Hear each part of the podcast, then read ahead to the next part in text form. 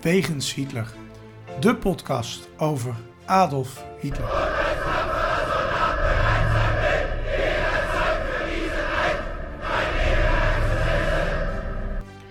Dictator, alleenheerser van 1933 tot 1945. Een man met miljoenen doden op zijn geweten.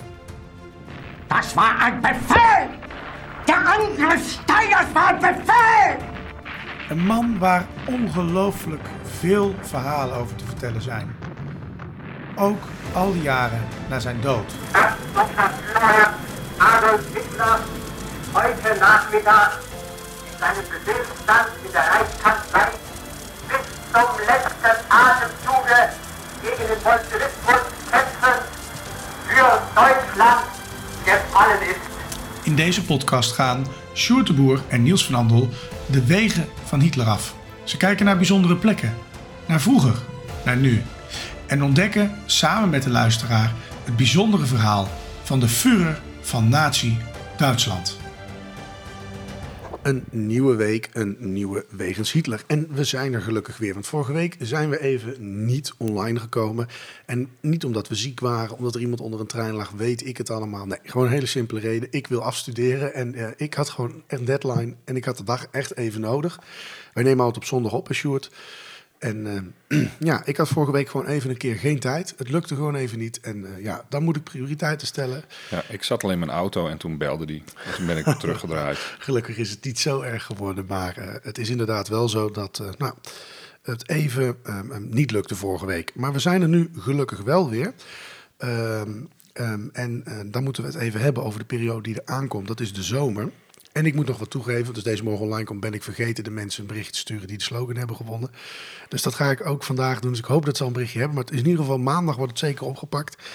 Ehm, want de boeken staan klaar om verstuurd te worden. Dus eh, de, de leverancier heeft ze al. Dus het, het is een kwestie van mijn lompheid. Maar ik moet even prio Jij moet stellen. even die studie door. eh, Ja, eh, ehm, en de- dan heb ik s'avonds gewoon om half twaalf niet zo heel veel zin meer om iets anders te doen. Dus slapen heb ik dan vooral zin in. Ja, je hebt je nu volledig ingedekt. Ga nou maar, kom nu, nou maar tot de point. nu tot acties. Ja, maar goed, de zomer. Het is echt fantastisch dit. Ehm, de zomer komt er dus aan. Wij nemen dit op op de laatste zondag in het reguliere schooljaar. Maar voor Sjoerd komt de vakantie aan. Voor mij niet. Dat wordt echt erg wennen. Want het is mijn eerste zomer dat ik geen vrij heb over een week. Eh, ik, ik vind het heel heftig. Nou, in een bureaufunctie valt het wel mee, toch? Ik heb een voortdurende baliefunctie eh, op school. Dus Ja. dat, dat is veel zwaarder. Nou, dat denk ik ook. Maar ik denk oprecht wel dat fysiek jouw baan zwaarder is. Dit antwoord had ik niet verwacht. Ja, nee, nee, nee, zeker. Nee, ik, ik snap wel dat mensen wat meer vakantie. Maar wordt gewoon wennen. Maar het betekent ook dat jij gewoon eh, ook wat op vakantie gaat. Eh, ik zit gewoon nog thuis, maar jij mag lekker weg. Ja. Dat betekent dat we overgaan naar de zomerprogrammering. Maar Dit is de laatste eh, reguliere uitzending voor de komende weken. Eh, die week erop, dus volgende week, ehm, ehm, ehm, dat is dan 10 juli, komt er nog een special. En dan gaan wij echt over naar de zomerprogrammering. Vorig jaar zijn we gewoon een week of vijf uit de lucht geweest. Hè? Ja, Dat is hebben killing. we wel iets leuks voor bedacht, toch? We hebben zeker wat leuks bedacht. We gaan wel wat minis uitzenden. Eh, dat zijn echt korte afleveringen van een kwartier, 20 minuten.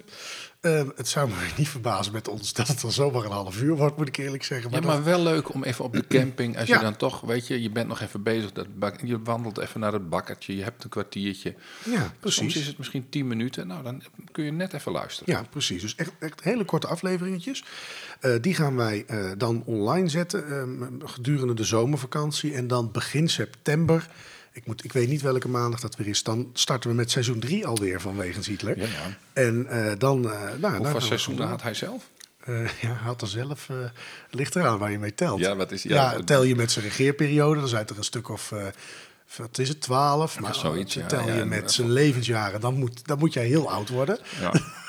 En ja, we kunnen ook vanaf de, e- tweede, eh, de Eerste Wereldoorlog rekenen. Ja, dat maar, het een maar- beetje... maar dan nog, Stuart, dan, dan ben jij ook wel dik in de tachtig dus, eh, aan het worden.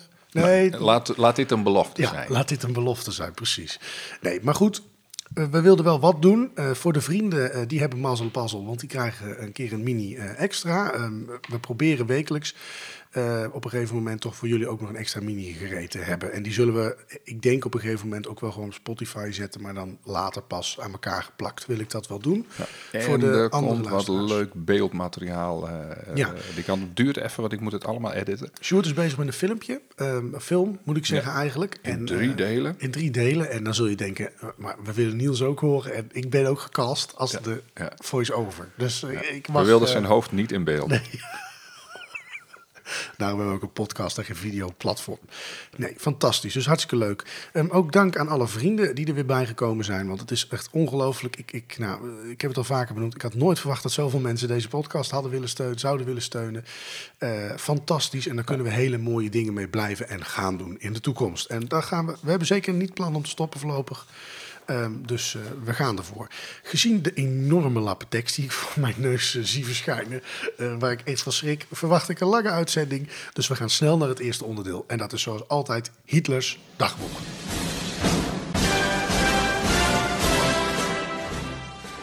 Hitlers dagboek. Het leven van Hitler duurde 20.463 dagen. Wat deed Hitler op deze dagen? Waar bevond hij zich? En vooral waarom?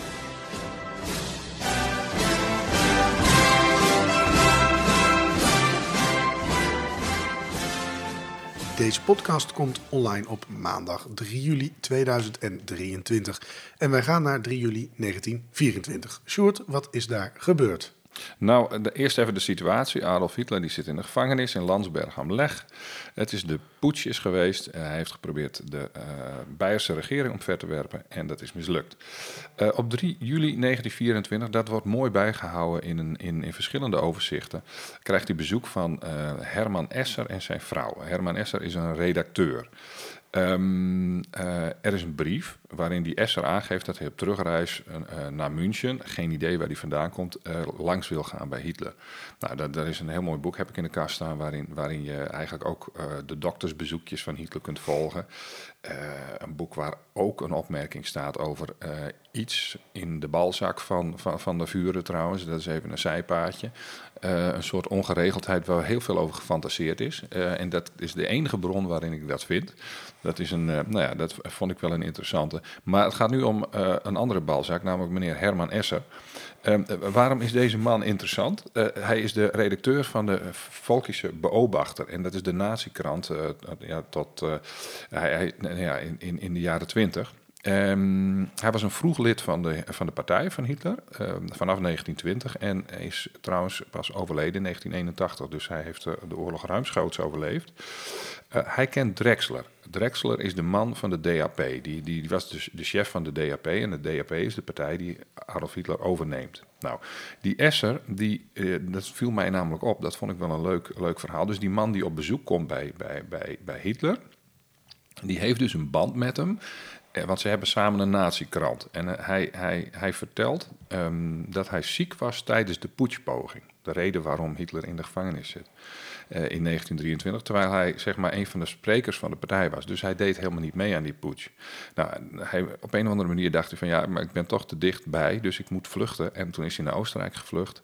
En toen hij terugkwam naar Beieren, toen is hij in de cel gegaan voor drie maanden ongeveer. Nou, inmiddels is hij er dus alweer uit en dan bezoekt hij Hitler in zijn cel. Ehm, eh, die Esser, dat is niet zomaar iemand. Dat is, eh, in, in- als de partij weer wordt op, opgericht in, v- v- 1925, dan staat hij nummer twee op de ledenlijst. Ehm, dan wordt hij propagandaleider, eh gauwleider van, van, van een deel van Beieren. Ehm, ja, heel veel verschillende functies, politiek, maar hij is, hij, hij, hij is ook vicepresident van de Rijksdag, dus direct onder Geuring. Ja, ja, ja. Die had heel veel invloed tot zeg maar 1933. Daarna neemt dat af. En ehm, nou ja, bleef ook zeg maar eh, in, in allerlei functies eh, voor de partij bezig. Maar ja, goed, dus met iets minder in- invloed. Hij is pas opgepakt in 1949 en zat vast op 1952. Drie jaar. Nou, daar heeft hij toch flink van kunnen genieten. Ja. Leuk, eh, leuk, leuk. Ja, ik mag nooit meer leuk zeggen. Ik had er wel eens kritiek op. Interessant verhaal. En, eh, Zeer nou, boeiend. een, ja, zeer boeiend. Zeer boeiend. Ja, de deugdmaatschappij, hè? Daar, daar hebben we het al eens over gehad. Ja, dat is wel een goede les voor jou. Ja, hoor. precies. Ehm dank wel, Sjoerd. We gaan snel naar het eh, volgende onderdeel. En dat is dus altijd de plek. De plek. Bijzondere plekken of verhalen die te maken hebben met Hitler. Ja, de plek is eh, dit keer München. Eh, we gaan naar de periode november 1918, vanaf die tijd kijken. Onder andere de Sternecker een gebouw dat er nog steeds hetzelfde uitziet, maar waar nu een computershop in zit in plaats van een kroeg in een straat die Tal heet. Ja.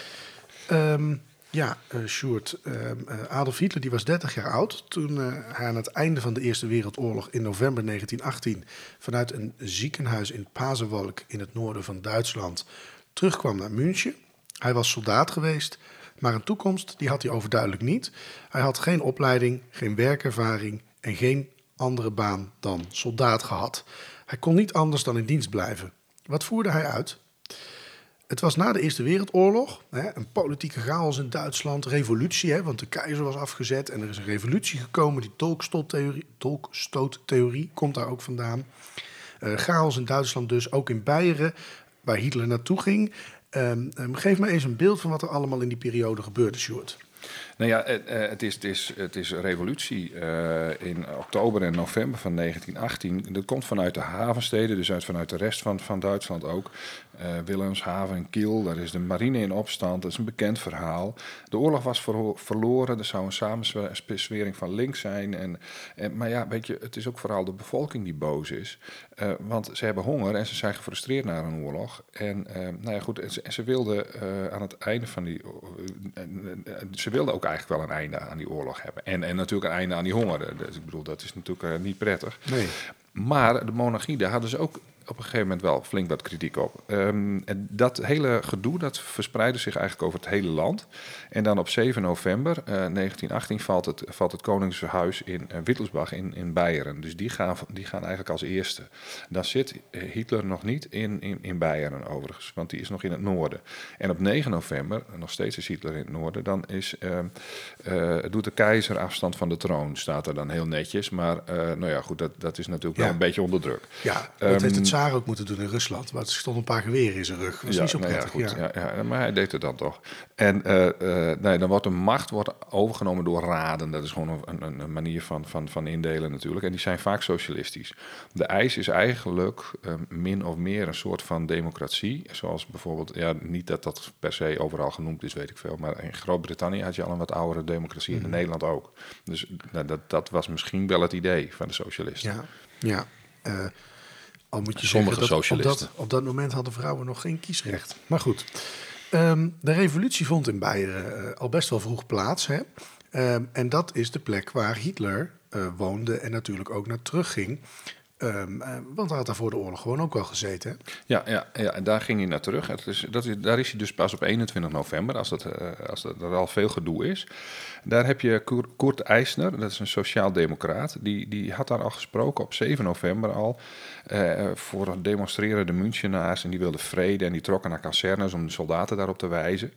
Um, dat leger verzet zich dan, maar doet dan eigenlijk in, feite niks. En, uh, maar men keert men zich hier ook tegen de monarchie die die, die oorlog gewild had en zo. Hè. Dat is dan het idee. Nou, koning Ludwig III die gaat er met zijn familie vandoor en Eisner wordt dan de baas uh, van zowel de gematigde democraten als de wat fellere variant daarvan. Nou, dat wordt eigenlijk nooit echt wat. Er komt geen overeenstemming tussen die, die, die gematigde en radicale partijen. En, en Kurt Eisner die wordt dan op een gegeven moment ook vermoord. En dan loopt het pas echt goed uit de hand. De Rode Garde, nou, als je het woord rood hoort in dit verband, dan, dan ben je wel erg socialistisch uh, ja, in dit geval. Dat, nou, de communisten moet ik dan aan denken. Ja, daar moet je meer aan denken. Die, die bezet dan het paleis in München. Socialisten en anarchisten doen gewoon mee. Um, uh, de regering vertrekt, stuurt nog wat troepen, maar die worden verslagen. Uh, en daar blijft het niet mee, want dan komen echte communisten die het boel overnemen. En dan begint zeg maar de Tweede Radenrepubliek en die duurt 14 dagen. Het is echt, als je erover leest, als je het precies wil weten, dan moet je echt even goed, goed kijken. Maar het is meestal best wel chaotisch. En er zitten heel veel groepen in die, zich daarmee bemoeien. Dus je moet echt, uh, nou ja, goed, uh, de samenvatting is best handig. Ja. Um, maar als je meer wil weten, lees er even over. Nou ja, die nieuwe raden nemen het daarna weer over. En dat zijn dus communisten met een rood leger. En die hebben dan weer ruzie met, nou ja, met zogenaamde witte legers. Dus dat is ook weer gedoe. Um, uh, die communisten onderdrukken trouwens het volk ook. Dus um, die situatie wordt in ieder geval niet beter. En um, nou ja, goed, ook, ook, ook ja, voor de soldaten, ja, die blijven eigenlijk gewoon in de kazernes hangen. Ehm, het, blijft dus chaos, eh, honderden doden, ook onder burgers.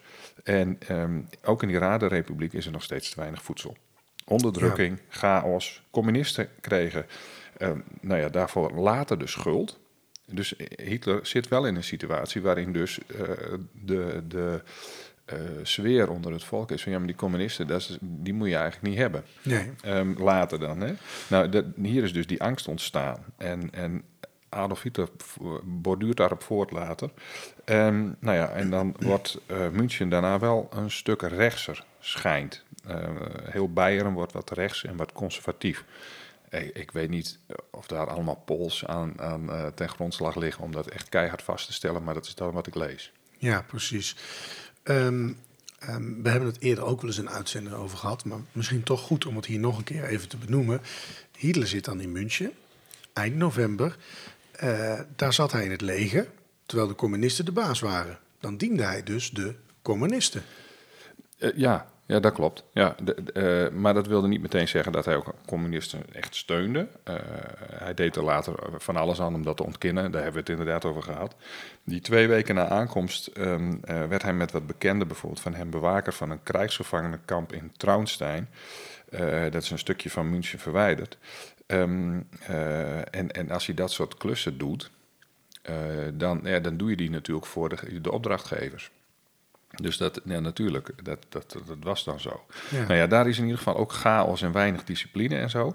Ehm, eh, net zoals in andere, eh, op andere plekken. Maar er was bijvoorbeeld wel een soldatenraad en die paste dan binnen dat regime.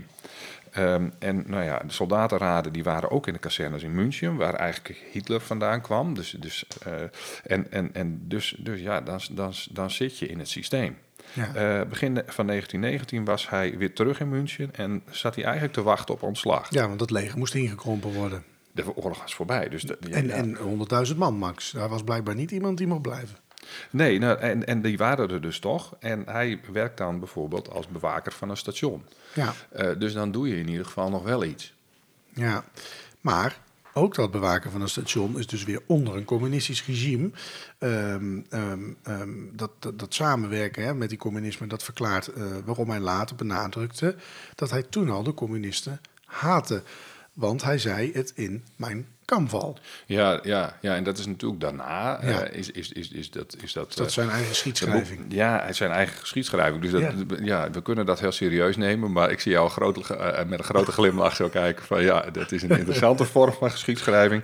Ehm, kunnen we dat, hadden we dat allemaal maar zo kunnen doen met ons leven als we 80 zijn, terugschrij- terugkijkend nog even onze geschiedenis aanpassen. Maar goed, ehm, d- dat deed hij, deed hij al voor zijn carrière dus. Nou ja, eh, de reden gaat trouwens nog wel wat verder dan dat. Want eh, Hitler die, eh, werd, namelijk wel vertegenwoordiger van zijn compagnie, co- compagnie.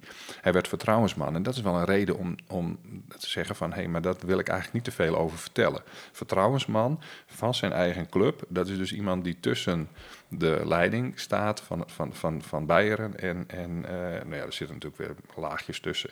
En zijn, compagnie. Nou, en dat is al, waarschijnlijk al in, in, in februari 1919. En daar wil hij natuurlijk niet te veel over praten. Nou, zijn taak is dan propaganda van de socialistische regering. Socialistisch-communistisch, hè, ehm, bij de troepen over te brengen. En dat waren eerst nog die gematigde en ex- ex- extreme socia- sociaal-democraten, waar we het net over hadden. En dan later worden dat eh, ook, de, ook de, so- de communisten. Want die functie blijft hij dan vervullen. Hij had natuurlijk kunnen zeggen van, ik stop daarmee. Want Ja. ik werk niet voor communisten. Ja, Maar dat deed hij niet. Dat deed hij niet. Hij vocht niet tegen ze, maar werkte samen, eh, bleef in functie. Eh, ehm, ik zou daar later ook niet over hebben gesproken als ik zo geschreven heb wat ik over communistisch, wat hij nee, over communistisch nee, er is geen vond. internet. Je moet al een, een oude krant vinden. Wil Ja, je, ja. Wil je dat vinden? Dus het was toen ook wat makkelijker om dingen weg te stoppen, denk ik. Ehm, we hebben het ook wel eens gehad over de socialistische krant de Municher Post. Ehm, die zou dit direct publiceren natuurlijk. Ja, en dat gebeurde ook. Meteen in de jaren twintig. Hitler wordt een beetje bekend. Zelfs de functie van vertrouwensman die werd eh, genoemd in de krant.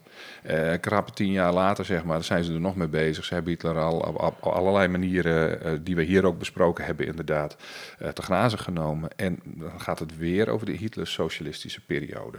Nou, Hitler zou sociaaldemocraten zelfs verdedigd hebben in discussies met communisten. En dat is weer ehm, eh, eh, ehm, eh, opvallend. Want dan zegt hij van, hey, eh, iedereen, eh, dan had hij dus een beetje strijd met die communisten, maar hij, hij, hij maakte daar ook wel opmerkingen over van iedereen is in zijn leven wel eens sociaaldemocraat geweest. Dus dat is, dat is wel weer een, een, een, nou ja, opvallend dat hij dat dan als het ware toegeeft. Ehm, en men vertelt wel dat hij in die tijd ook wel lid wilde worden van de SPD, van de Sociale Democraten. Maar goed, dat is hij nooit geworden. Nou, ehm, eh, nou ja, met het oog op die, die communisten wilde hij daar niet over praten, maar dat socialisme vond hij ook misschien iets minder erg. Eh, het is ook de NSDAP, hè, Nationaal Socialistische eh, Arbeiderspartij. Nou, ehm, eh, nou, er zijn heel veel mensen die, die bij de socialisten hoorden daarvoor. En dat was eigenlijk helemaal niet zo gek. En Ian Kershaw, die historicus, noemt bijvoorbeeld een heel rijtje met van dat soort eh, Hitler-aanhangers uit de vroege periode die eerder socialist waren geweest. Of zelfs in dat Rode Leger hadden gezeten. Dus Zo, ja. ja, en, en, en los daarvan, de overtuiging van sommigen in die tijd, eh, rond 1919, noemde Kershaw warhoofderij. Dat vind ik wel even leuk om, om, om te noemen. Want dat zag ik staan. Ik denk, ja, eh, hij, hij, hij vindt het raar dat agressief nationalisme samenging met antisemitisme. En dat kwam dan voort uit slechte sociale omstandigheden of een hekel aan de monarchie. En dan wisselt men heel snel van partij. Dat is dus niet zo uniek dat socialisten later communist worden of nationaal socialist. En je ziet dat eigenlijk nu in Nederland ook, dat mensen heel snel wisselen van, van partij, van, van de PvdA, socialist, naar nou ja, een veel rechtsere partij. Ja, ja dat, dat, dat kan nog steeds. Ja.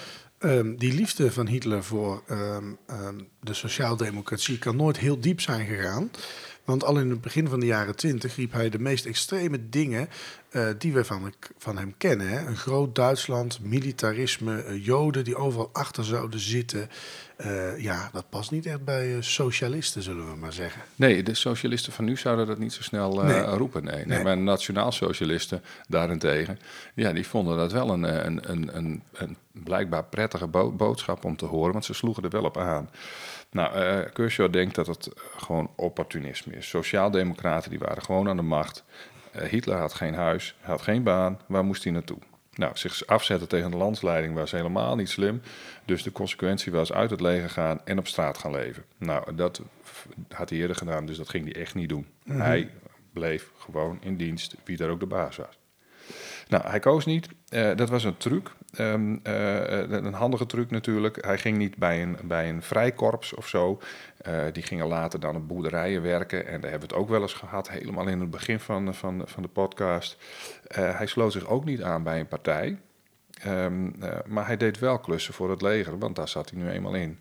Nou, ehm, wat wel tegen hem werd gebruikt, dat was dat hij meeliep in een demonstratie van linkse arbeiders en soldaten. En die werd dan bevolen door de leiding van het regiment. Ja, als je in het regiment wil blijven en je krijgt een bevel, dan zul je dat wel moeten opvolgen. Dus Ja. dat deed hij dan ook. En eh, toen de communisten de baas waren, had Hitler waarschijnlijk net als alle andere soldaten een, een rode band om de arm. Dat is ook wel een dingetje. Ehm, nou, dat kon je later wel mooi tegen hem gebruiken. Men suggereerde wel eens dat er een foto van is, maar dat is wel een hele onduidelijke. Nou, daar hebben we het ook al eens over Ja. gehad. En het kan ook zijn dat hij toen al binnen de betrekkelijke veiligheid van de barakken en onder zijn kameraden van het leger zijn afkeer van het communisme liet blijken. En dat hij daarom juist zo populair was. Eh, eh, nou ja, goed, dat is niet een idee dat ik direct eh, zelf bedacht, want dat vond ik gewoon terug bij, bij, bij Ian Kershaw ook. Ehm, en hij, kijk, hij wilde ook wel ehm, blijven en hij wilde die functie ook wel, want als die, al die andere soldaten die gingen eruit. En als hij in zo'n functie kwam, als vertrouwensman of in een eh, andere functie, dan eh, kon hij blijven. Als Ja. een van de weinigen. Ja. Ehm, hij komt toch in die periode toen hij eh, nog soldaat was, in de politiek terecht. Hè? Hij komt uiteindelijk daarin door. Eh, een combinatie toch best wel opvallend is. Soldaat, dienend aan de staat, maar ook een eigen politiek sterke mening hebben. Was dat op eigen initiatief? Ja, dat, dat is ja, nee, echt opvallend. Ja. De, eh, eh, het, was niet het eigen initiatief. Hij ging niet zelf. Ik ga eens eventjes bij een partij kijken. Eh, het, leger van buiten München, dat viel op een gegeven moment onder, onder, onder Beieren. Dat had de communisten verslagen en was de baas in de stad geworden. Ehm, die nie- het nieuwe regering zat alleen nog niet in München.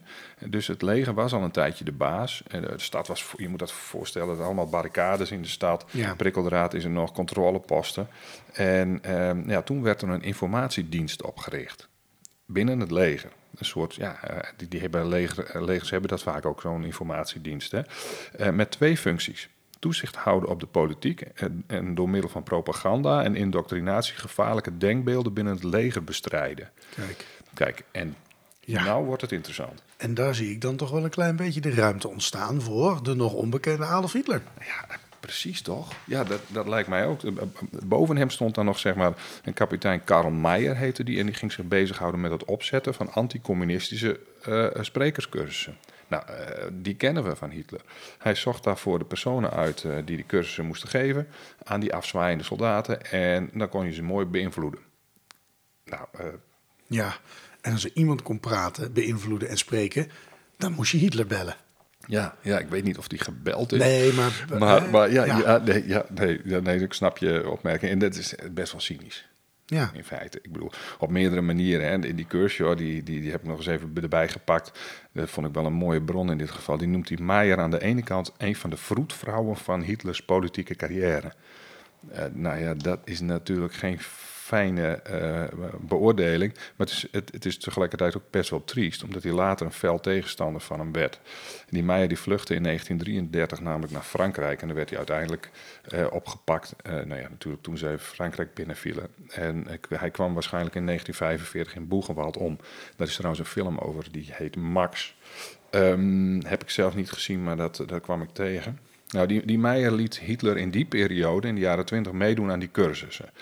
Ehm, eh, eh, die cursussen die werden op de universiteit gegeven en daarna eh, had hij genoeg informatie om, om, om de afzwaaiende soldaten te beïnvloeden. Nou, dan kwam hij in kamp Legveld terecht. Daar hield hij de redenvoeringen voor de troepen die daar zaten.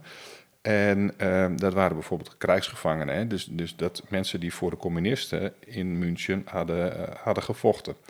Ehm, nou en die moesten natuurlijk wat nationalistischer worden. Hitler deed dat en hij kon natuurlijk heel goed spreken. Maar je zegt al, je kon het wel aan hem overlaten natuurlijk. Ja. Ehm, en, en ja, in feite kreeg hij gewoon een gratis cursus, spreekcursus van de staat. Ehm, getuigen melden dat hij ook echt populair was. Ehm, eh, temperamentvol, zegt iemand, uit het leven gegrepen voorbeelden, roept een ander. Eh, geboren volksredenaar, fanatiek, informeel. Hij dwingt de aanwezigen te luisteren, overtuigend, dat soort dingen. Eh, eh, nou ja, dat, dat kennen we natuurlijk ook van hem. En ook ja, het, het, nou, het zou een keer prachtig zijn om eens een keer zijn speeches erbij te pakken. Ja, en niet qua de inhoud, maar gewoon hoe hij een verhaal opbouwt. ja, en die is, dat is even te fileren, ja. Ja, dat is nog wel een klus, denk ik. Maar Jawel, is maar wel het is wel, goed om het te is doen. wel... Ik heb ooit een keer... Ja, podcast van Maarten van Rossum. Hebben ze gewoon een keer tien minuten uitgezonden of zo. En ik spreek niet bar goed Duits. Maar je hoort die opbouw gewoon. Ook al weet je Mhm. totaal niet wat er gezegd wordt. En dat dat opzwepende dat hij in zijn stem heeft. En op een gegeven moment, ja, dan... Je snapt wel dat mensen daarnaar wilden luisteren, laat Ja, ik het dan zo zeggen. niet, zozeer qua inhoud, laat ik me daar even veld van tegen verzetten. Maar hij had wel een manier van praten waar je gewoon ademloos naar kon luisteren. En als je dat plaatst in de tijd ook, dan, dan, dan is het ook eh, veel meer een tijd van mondelinge communicatie en toespraken en weet Ja. ik veel wat. aan. Daar haalde je je informatie dan vandaan. Ja. Nou ja, eh, in die tijd, antisemitisme eh, zat er ook gewoon in. Hè? Ook, ook in de toespraken voor het leger. Dat moet je je nu voorstellen. Maar goed, ehm, eh, eh, dat was in München ook best wel gangbaar. Dus men schrok daar helemaal niet van. Ja, ja ehm, ehm, nou ja, Hitler die uitte zich dus ook wel op het gebied van politiek. Maar bij een politieke partij had hij zich nog niet aangesloten op dat moment. Ja, en, en dat gebeurde dus wel op basis van deze functie. Eh, de, de informatieeenheid van het leger, een soort geheime dienst dus, die, die had, had de taak om die politieke partijen in de, in de stad ook in de gaten te houden. Dat was de andere kant. En daar kreeg je ook een opdracht bij. Op 12 september 1919 moest hij dan na- bij, die, bij die Duitse arbeiderspartij, de DAP, eh, eh, die moest hij bijwonen. En dat was dus in die Sternekkerbrouw. Ja, Die, ja, die, echt de vormen van een oude bierkelder zitten er nog in. Eh, er is een hele interessante straat, die taal daar in, in München. Want even verderop zit ook het hotel waar de SS is opgericht. Ehm, nou ja, het zijpoortje is het nog, waar ze vaak naar binnen gingen, naar hun eigen kamer. Eh, een hele interessante plek. Ja, alleen het is zo jammer dat het vol staat met allemaal eh, Apple-computers. Eh, goed, dat, ja, voor de liefhebber misschien niet, maar eh, nou ja, dat, dat, dat, dat mis je dan.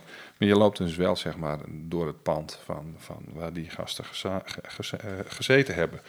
Ehm, nou, hij, hij ehm, komt daar ook eh, uiteindelijk Dietrich Eckart tegen. Dat wordt zijn latere mentor. Op die eerste bijeenkomst was die er niet. Die zou wel spreken, maar die was ziek.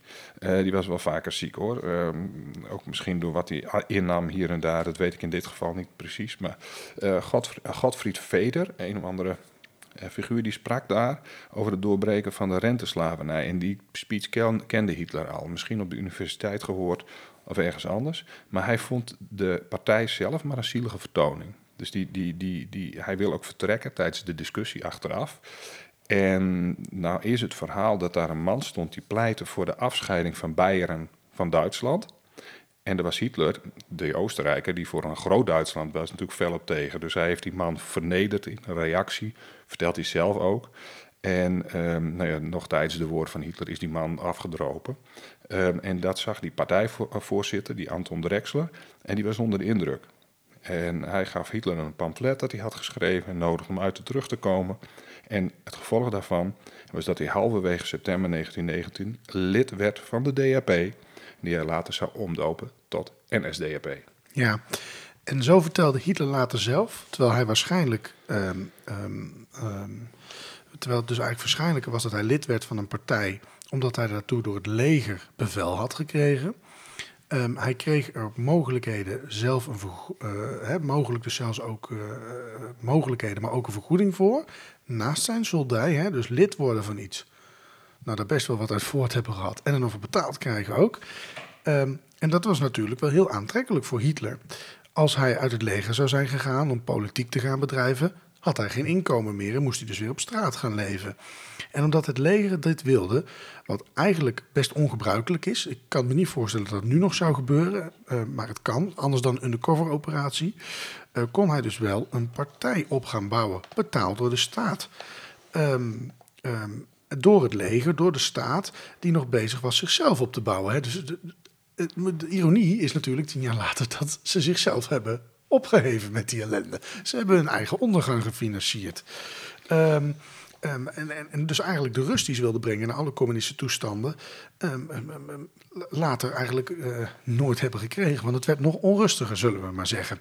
Ja, en dat, eh, eh, die idiote combinatie waar dat uiteindelijk toe heeft geleid, Sjoerd, ja, die, die weten we allemaal. En daar vullen we podcast na podcast mee. Precies. We gaan naar het volgende onderdeel. En dat is zoals altijd het Nazi-journaal.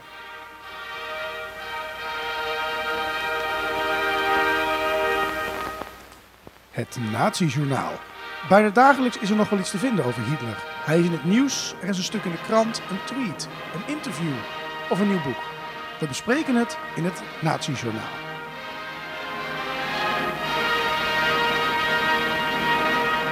Ja, eh Sjoerd, we beginnen met een bericht uit het NRC. En dat is een onderzoek naar nazi-uitingen binnen het Nederlandse leger. En hoe dat onderzoek eh, werd gesaboteerd. Sjoerd, wat heb je daarover gelezen? Ja, dat vond ik een interessant eh, gegeven. Defensie die maakte zich eh, zorgen over eh, de aantrekkingskracht van, van, van, van rechtsradicalen. Het, het, het, het leger wordt daardoor beïnvloed, begrijp ik. Maar er, waren, er liep ook een, een, een kort geleden een onderzoek naar nazi-uitingen in, eh, in het, binnen, binnen het leger. En dat gaat om ka- kadetten van KMA.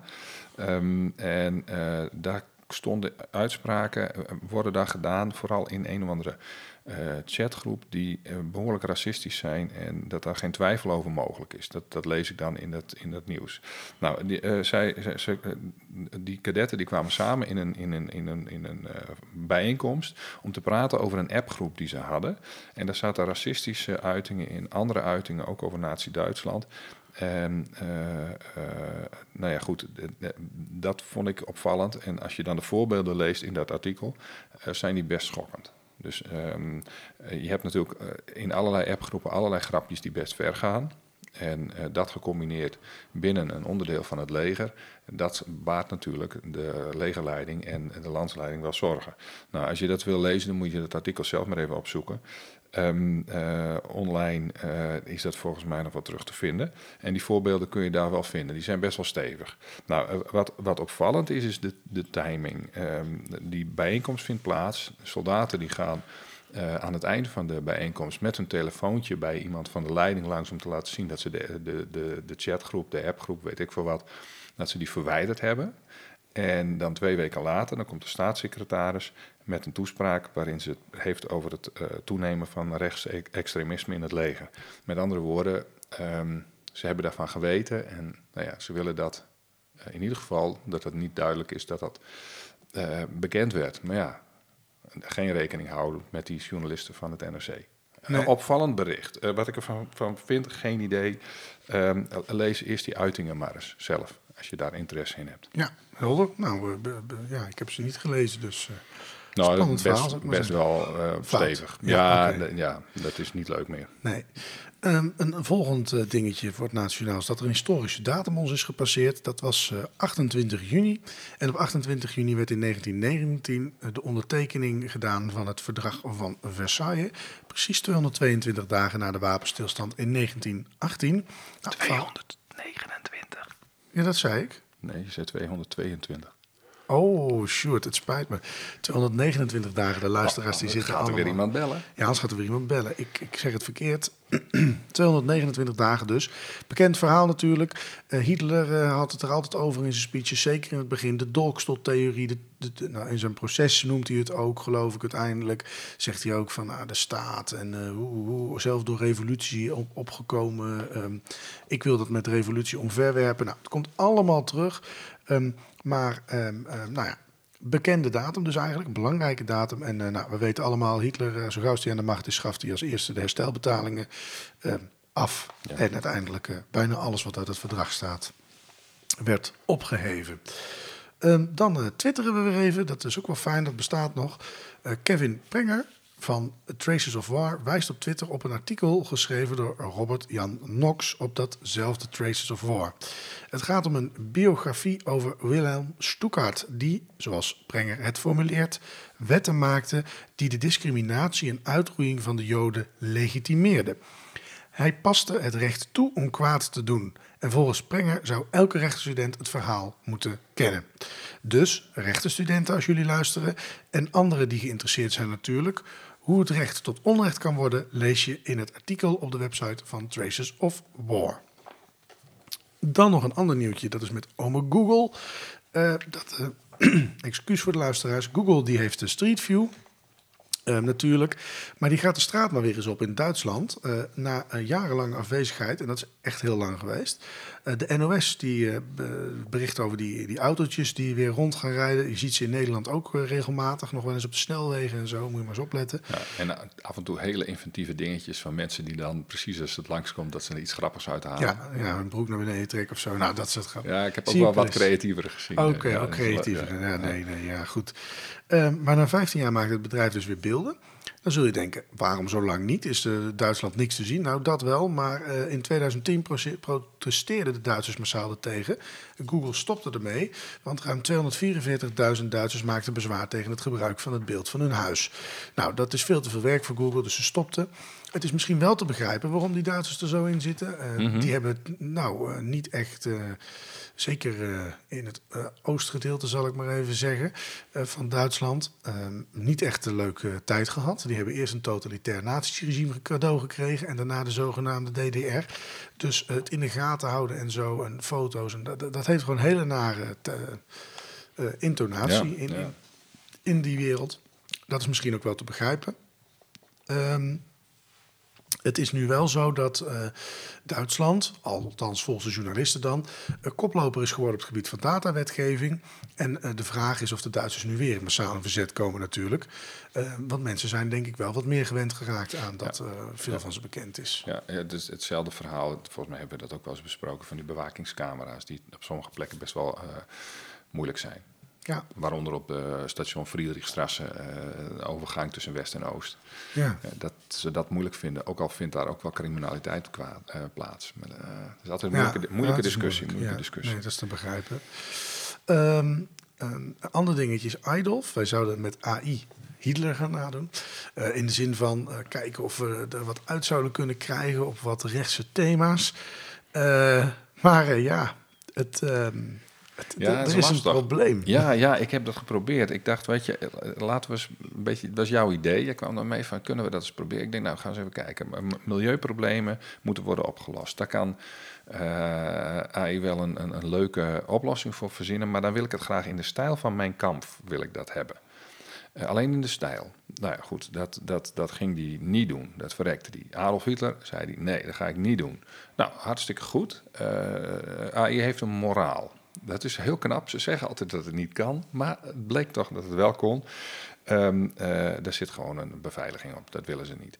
Toen dacht ik, die beveiliging is te om- omzeilen. Niet iedereen kent Alfred Rosenberg, de partijideoloog, die minstens zulke erge dingen heeft geroepen en geschreven als, als Hitler. Maar zijn materiaal is wel bekend. Dus ik probeerde dat. Los de probleem, milieuproblemen op eh, in de stijl van Alfred Rosenberg. Nou, en toen begon ik te lopen. Ik heb, ehm, ik zat te lezen. Ik denk, oei, oei, oei, oei, dit gaat echt de foute kant op. Maar de stijl klopte. En de milieuproblemen werden ook, zeg maar, suggesties werden gedaan die herkenbaar waren. Eh, maar de schuld van, van alles waren uiteindelijk wel de Joden. Ehm, eh, en toen blokkeerde die. Ergens halverwege die tekst zei hij van nee, dat gaan we niet doen, hier ben ik het niet mee eens. En toen stopte hij. Ik denk, oh, maar nu heb ik geen screenshot. Dus toen ben ik opnieuw begonnen en toen eh, deed hij het weer. En heb ik snel screenshots gemaakt om het even te bewaren, hoe dat ging. Ik vind het eh, goed, dat, dat er zit dus een controlend mechanisme in. En dan, dan, dan, dan stopt dat, dat feestje van Alfred Rosenberg. Ik vond het trouwens als antwoord nog niet zo sterk. Maar ja, dan moet je natuurlijk doortypen en daar had ik de ruimte niet voor. Want ehm, als hij nou had gezegd, eh, de Friesen zijn de schuld ervan, dan is het in de stijl van. Maar nu waren het ook nog de Joden, dus is het ook nog in het... In het eh, in, in, in, niet in de stijl van, maar in de, in de, in, in de inhoud van. Die Ja. stopten ze erin. En dat, dat vond ik dan weer, nou ja, goed, dat moet je dus fine-tunen. M- Maar er zit dus wel een, eh, zitten mensen die blokkeren dit. En ook halverwege een pro- proces met, on- met onbekende namen wordt er tegengegaan. Op zich een goede zaak, behalve voor ons. Ja, want wij kunnen nu onze Idolf niet maken. Nee, Ja. nee dat, is, dat is dan. Dat is dan ja, nou ja, op zich, ja, weet je, nou, we hebben het geprobeerd en eh, we hebben vertrouwen gekregen in, in dat model. Ja. Dat het toch iets doet om dit te voorkomen. Ja, precies. En zo is het ook maar weer. Eh, jammer voor ons, maar goed voor de samenleving, zullen we maar zeggen. Zo. Ehm, dan hebben we nog twee korte nieuwtjes. Er is een nieuw boek op de Nederlandse markt. Hitlers strijder. Leven en eh, oorlogen van SS-kolonel Jochen Piper van schrijver Danny S. Parker.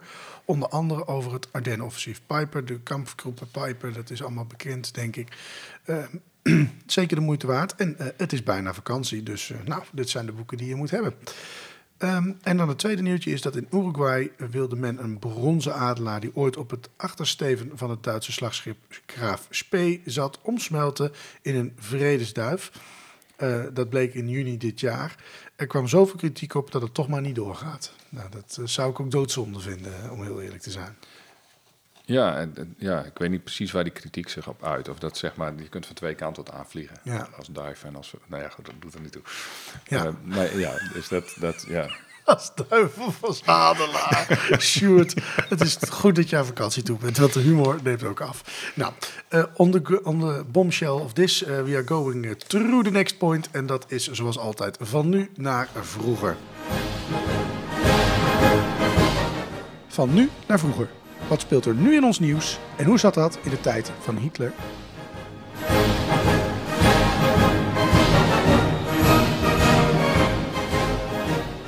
Ja, van nu naar vroeger. De zomer en zomertijd. Afschaffen of niet? Wat is het eh, eh, eigenlijk en is het wel gezond? Maar toch eh, wel lekker hoor, die lange zomeravonden. Moeten we toch wel eerlijk zijn over. Ehm, maar nou is het zo dat dat eh, zomer- en wintertijd dus iets Duits blijkt te zijn. Hoe zat dat eigenlijk, Sjoerd? Ja, ja dat, dat was wel, wel interessant. Ik zat even te zoeken van hoe zit dat nou? Want eh, Eh, ja, mijn dochter begon erover en die had het over, over, dat het een Duits idee was. Ik denk, ja, maar hoe? Nou volgens mij april 1916, ergens midden in de Eerste Wereldoorlog, dan beginnen die Duitsers daarmee. Die zetten de klok dan een uur vooruit. Uh, want nou ja, dat heet zo met kaas en petroleum en gaslampen en zo. Als die een uur minder branden, dat, dat scheelt in ieder geval qua grondstoffen. Dus dan waren ze daar het eerste land mee dat, dat, dat de zomertijd invoerde. En een paar jaar terug wilden ze die weer afschaffen. Nou ja, goed. Uit een Europese enquête of zo bleek iets van 80% uh, uh, tegen die twee tijden was. En dat merendeel daarvan was Duits. Dus de Duitsers wilden het dan weer afschaffen. Nou ja. Ja. Um, dat was ook al eerder gebeurd trouwens. In 1919 was keer afgeschaft. en dus de Republiek van Weimar die, die leefde geheel in wintertijd, zeg maar. En Adolf Hitler voerde hem toen weer in. Dus daar komt vaak het verhaal van... ja, Hitler heeft toch de zomertijd inge, ingevoerd? Nou, niet helemaal, maar hij heeft het wel heringevoerd. Dus van, nou ja, weet ik veel wat, dat, dat loopt vanaf april 1940 tot 42... Uh, gold hij doorlopend, de zomertijd, en daarna halfjaarlijks. En, en nou, in, in 1950 schafte Duitsland het weer af.